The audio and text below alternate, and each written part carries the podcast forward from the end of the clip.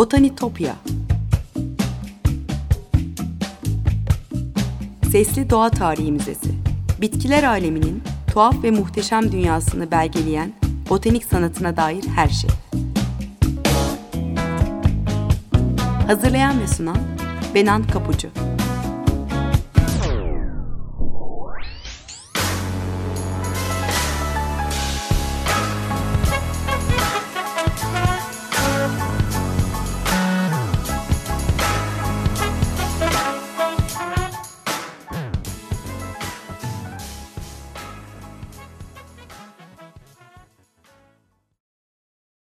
Merhaba sevgili dinleyiciler, iyi pazarlar. Botanitopya'dasınız.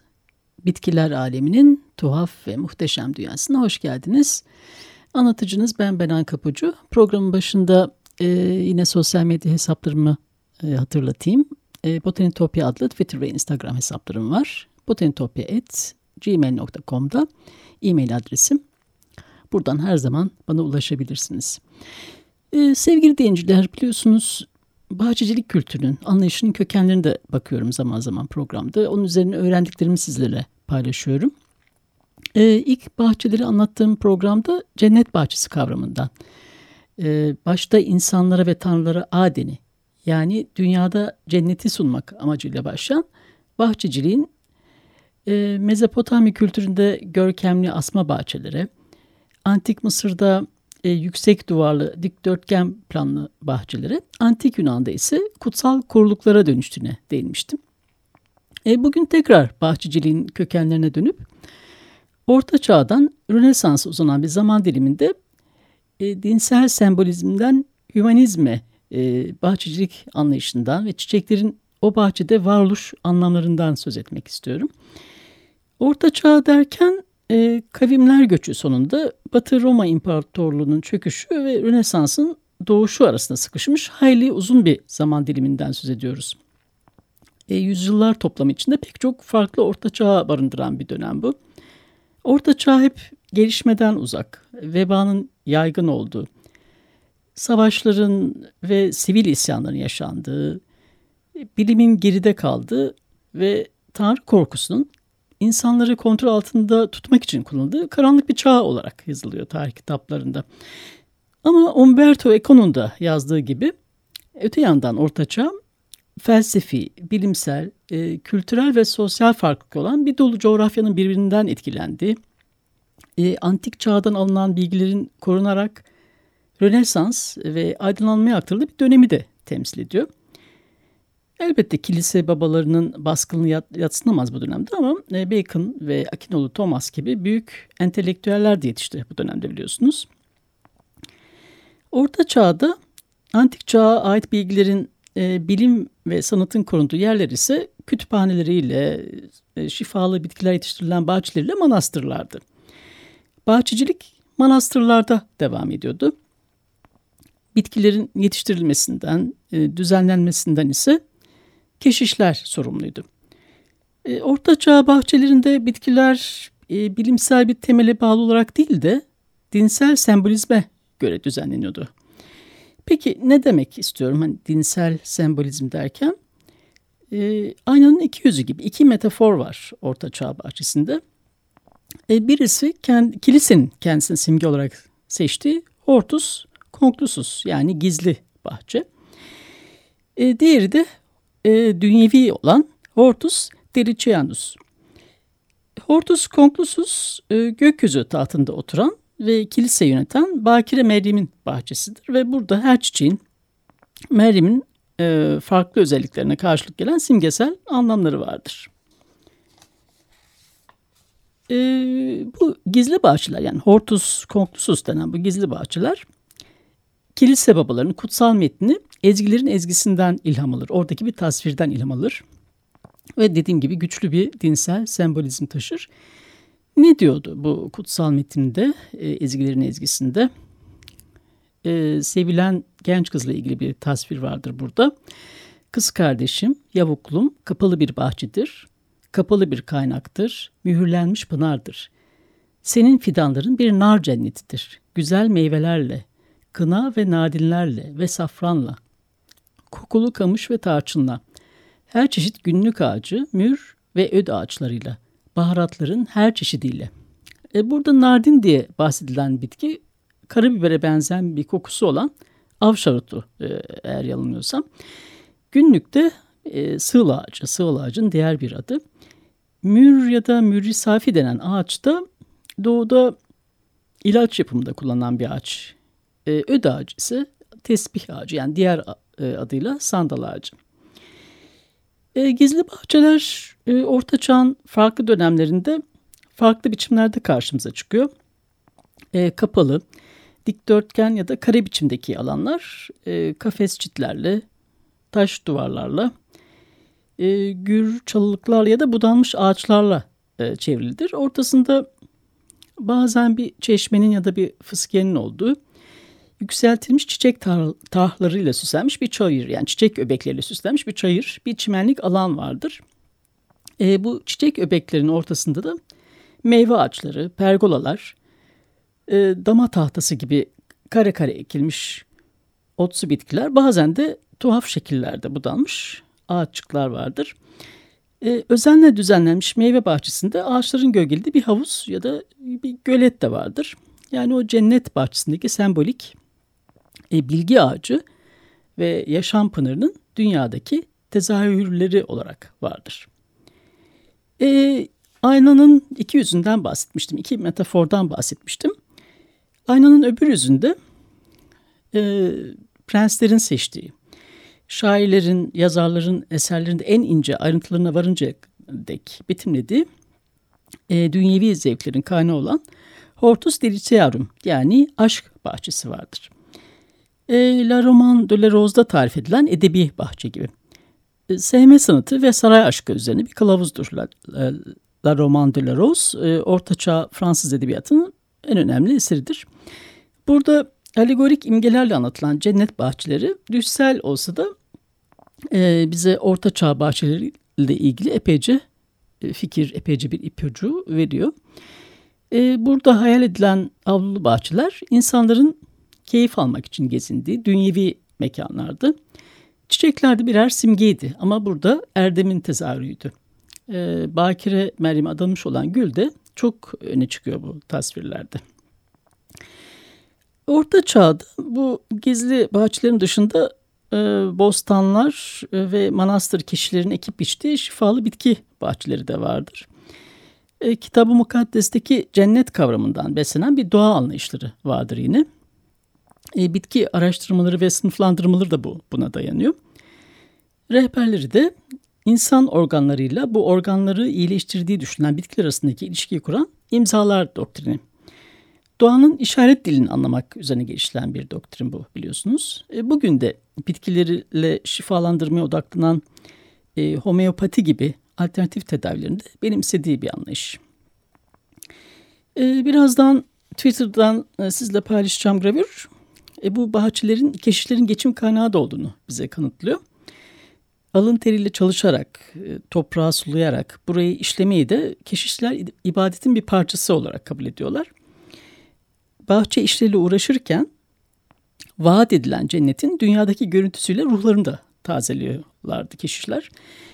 E, burada sadece sebze, meyve ve gölgelik ağaçlar değil, e, kutsal günlerde altar panolarını süslemek için kullanılan bitkiler de yetiştiriliyordu. E, Orta Çağ'ın bahçe düzeni e, görsellikten ya da bilimsellikten öte sezgisel ve sembolik anlamlar taşıyor tasvirlerde de hayal ve gerçek iç içe geçiyor. Umberto Eco'nun e, Orta Çağ kitabında da söylediği gibi Orta Çağ insanları şöyle diyor Eco kitapta. Orta Çağ insanları anlamlarla, atıflarla, üst anlamlarla dolu, Tanrı'nın her yerde göründüğü, doğal dünyasında simgesel bir dilin konuşulduğu, aslanların sadece aslan olmadığı, cevizlerin sadece ceviz olmadığı, hipogriflerin aslanlar kadar gerçek olduğu, tamamı Tanrı'nın eliyle yazılmış gibi görünen bir dünyada yaşıyordu. Orta Çağ insanı dünyayı dolduran bütün unsurlara, taşlara, bitkilere, hayvanlara mistik bir anlam yükler.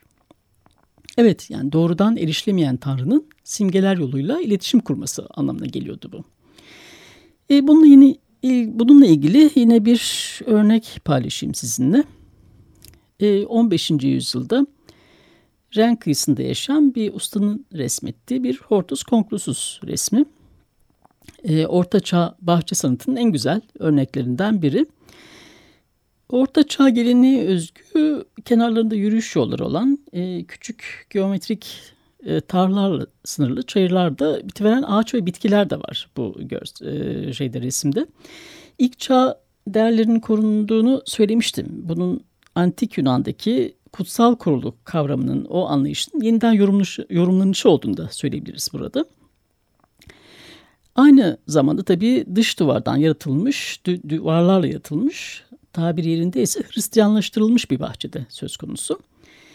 E, Bakire Meyrem bu bahçede melekler, azizler ve kuşlarla çevrili. Hepsi de törensel bir takım jestler yapıyorlar. En az 18 tür çiçek sayılabiliyor burada. Neler var peki bu çiçekler arasında? E, zambaklar var, süsen, çuha, müge çiçekleri var. E, beyaz papatyalar var, gül hatmiler var. Şakayıklar, kardelenler ve çiçeklenmiş ve meyveye durmuş çilekler var. E, bu resimde Aziz, Azize Dorothea'nın da kiraz topladığını görüyoruz. Burada meyve ağacının kiraz olmasının e, bir sebebi var. Kiraz ağacı e, çarmıha gelen insanın kanlarını sembolize ediyor. Müge çiçekleri ise Bakire Meryem'in iffetini sembolize ediyor. E, Meryem'in çiçeklerinden iris özellikle Hollanda ve Flaman resimlerinde de e, özellikle müjde sahnelerinde karşımıza çıkıyor. E, bu da büyük olasılıkla isim benzerliğinden kaynaklanan bir durum. Çünkü Almanca'da iris e, büyük olasılıkla sivri uçlu yaprakları nedeniyle kılıç yapraklı zambak olarak tanımlanmış. E, zambak da ikonografide her zaman Bakire Meryem'i sembolize eden bir çiçek. E, dikensiz gül de dokunulmamışlığı anlatıyor. E, çilekler ise kutsalmış olanın yiyeceği ve cenneti sembolize ediyor. E, bu resme baktığımızda kimi çileklerin henüz e, çiçek halinde, kimilerin ise meyveye durmuş olduğunu görüyoruz. Beyaz çiçekli haliyle burada olması nedeni elbette yine Meryem'in saflığını anlatmak için. E, Orta Çağ bahçelerine dair bilgilerin bir kısmının edebi metinlere de dayandığını söylemiştim. 15. yüzyılın ortasında İtalyan yazar ve şair Giovanni Boccaccio'nun Decameron adlı yapıtı e, Rönesans hümanizminin ilk ışıklarını yaktığı için bu anlamda çok önemli. Decameron'un e, salgın günlerinin Floransa'sını anlatan öykülerin birinde bir, bir grup soylu e, vebanın kasıp kavurduğu şehri terk ederek sığınacak bir yer arar. Fiozole'deki sığındıkları evin bahçesi orta çağ özgü olsa da zarafetiyle Rönesans ruhunu müjdeliyordu. Nasıl bir bahçe hayal ediyordu Boccaccio e, Soylu Hanımlar Vadisi'nde? E, çimenli ve çiçekli tepelerle ve taraçılarla çevrili yuvarlak bir yerdir burası. E, doğal ile yapay olanın orta çağ özgü bir karışımıdır. E, duvarlarla çevrili bu çimenlik bahçenin ortasında beyaz mermer bir fıskiye vardır. Ve bir sütun üstüne yerleştirilmiş heykelden fışkıran su zarafetle inşa edilmiş yapay kanallardan geçer. Evet bahçelere Rönesans gelmiştir bile. Sevgili dinleyiciler şimdi bir müzik arası verelim. Carlo Curley'den Johann Sebastian Bach'ın orkestralerinden Sol Majör Prelude dinliyoruz.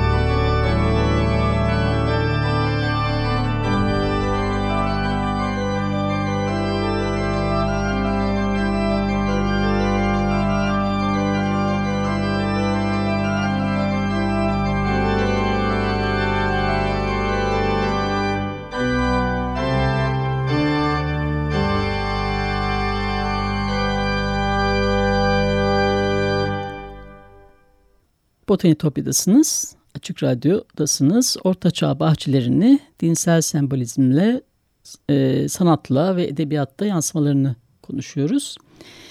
E, Decameron'daki öykülerden yola çıkarak bahçelere Rönesans'ın gelmeye başladığını görüyoruz demiştim. Biliyorsunuz Yunanistan'da ve Roma'da bahçe filozoflar ve şairler, soylular ve devlet adamları için önemli bir rol oynuyor.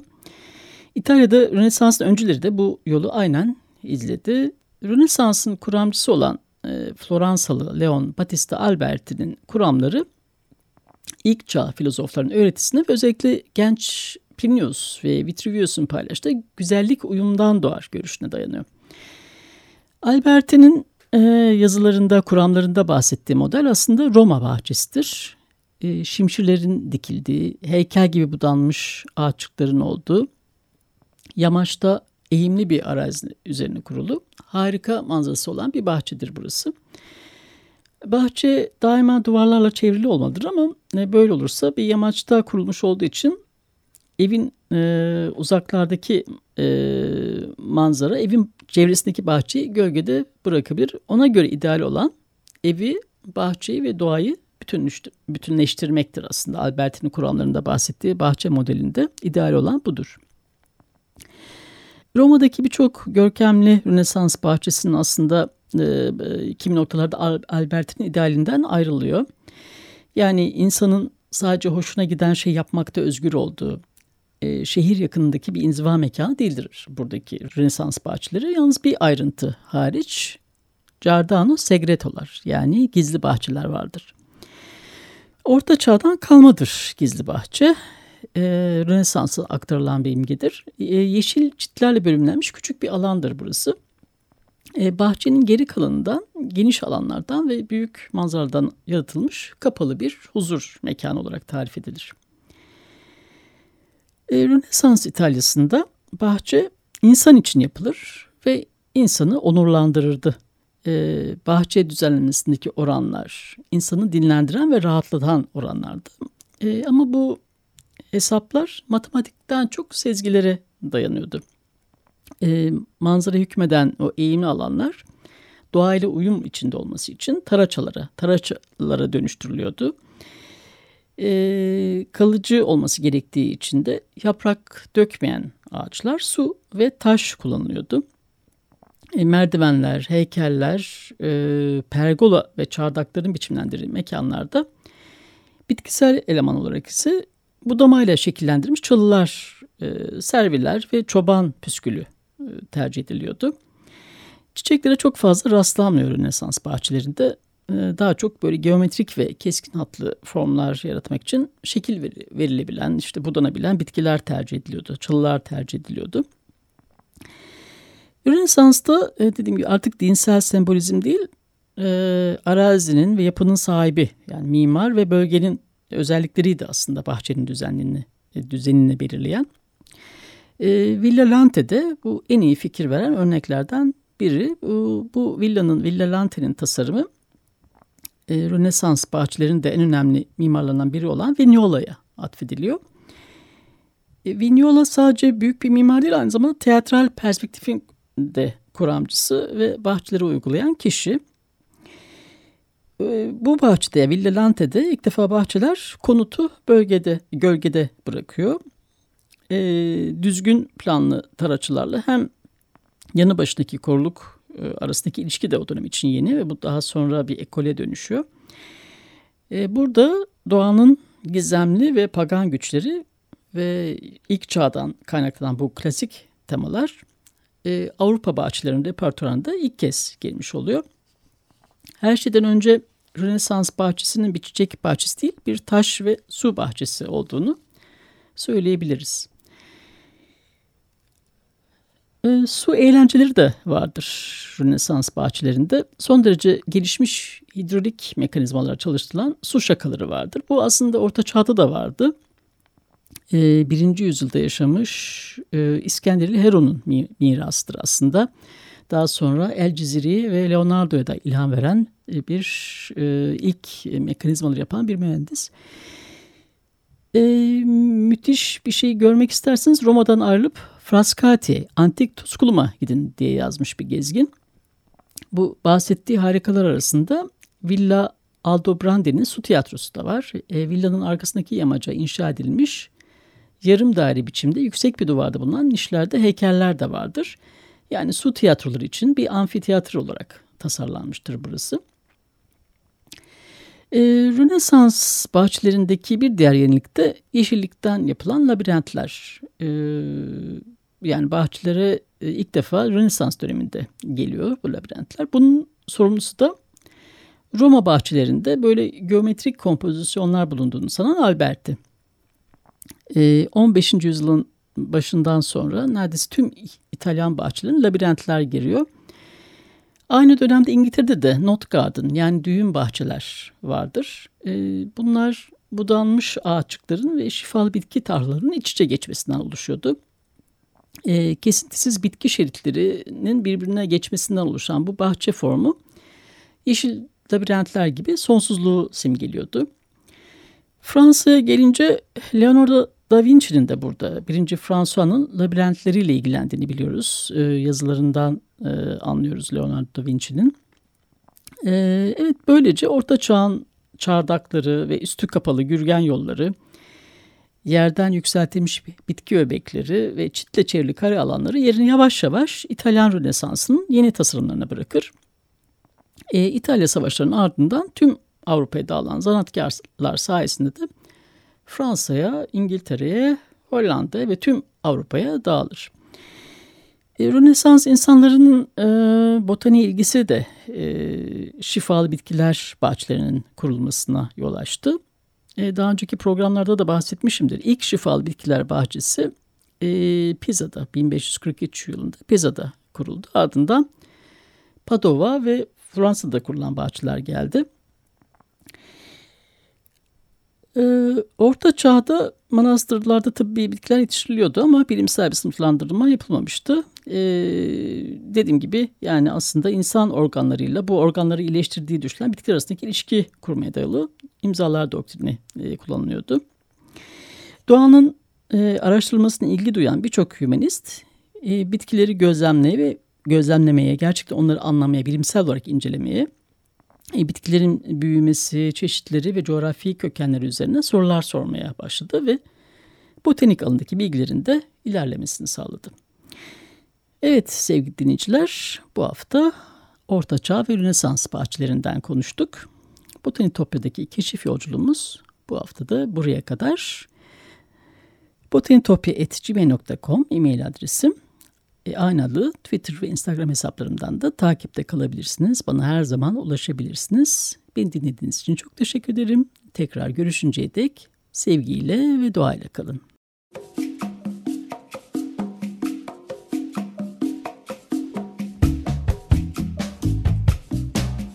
Botanitopya Sesli Doğa Tarihi Müzesi Bitkiler aleminin tuhaf ve muhteşem dünyasını belgeleyen botanik sanatına dair her şey. Hazırlayan ve sunan Benan Kapucu.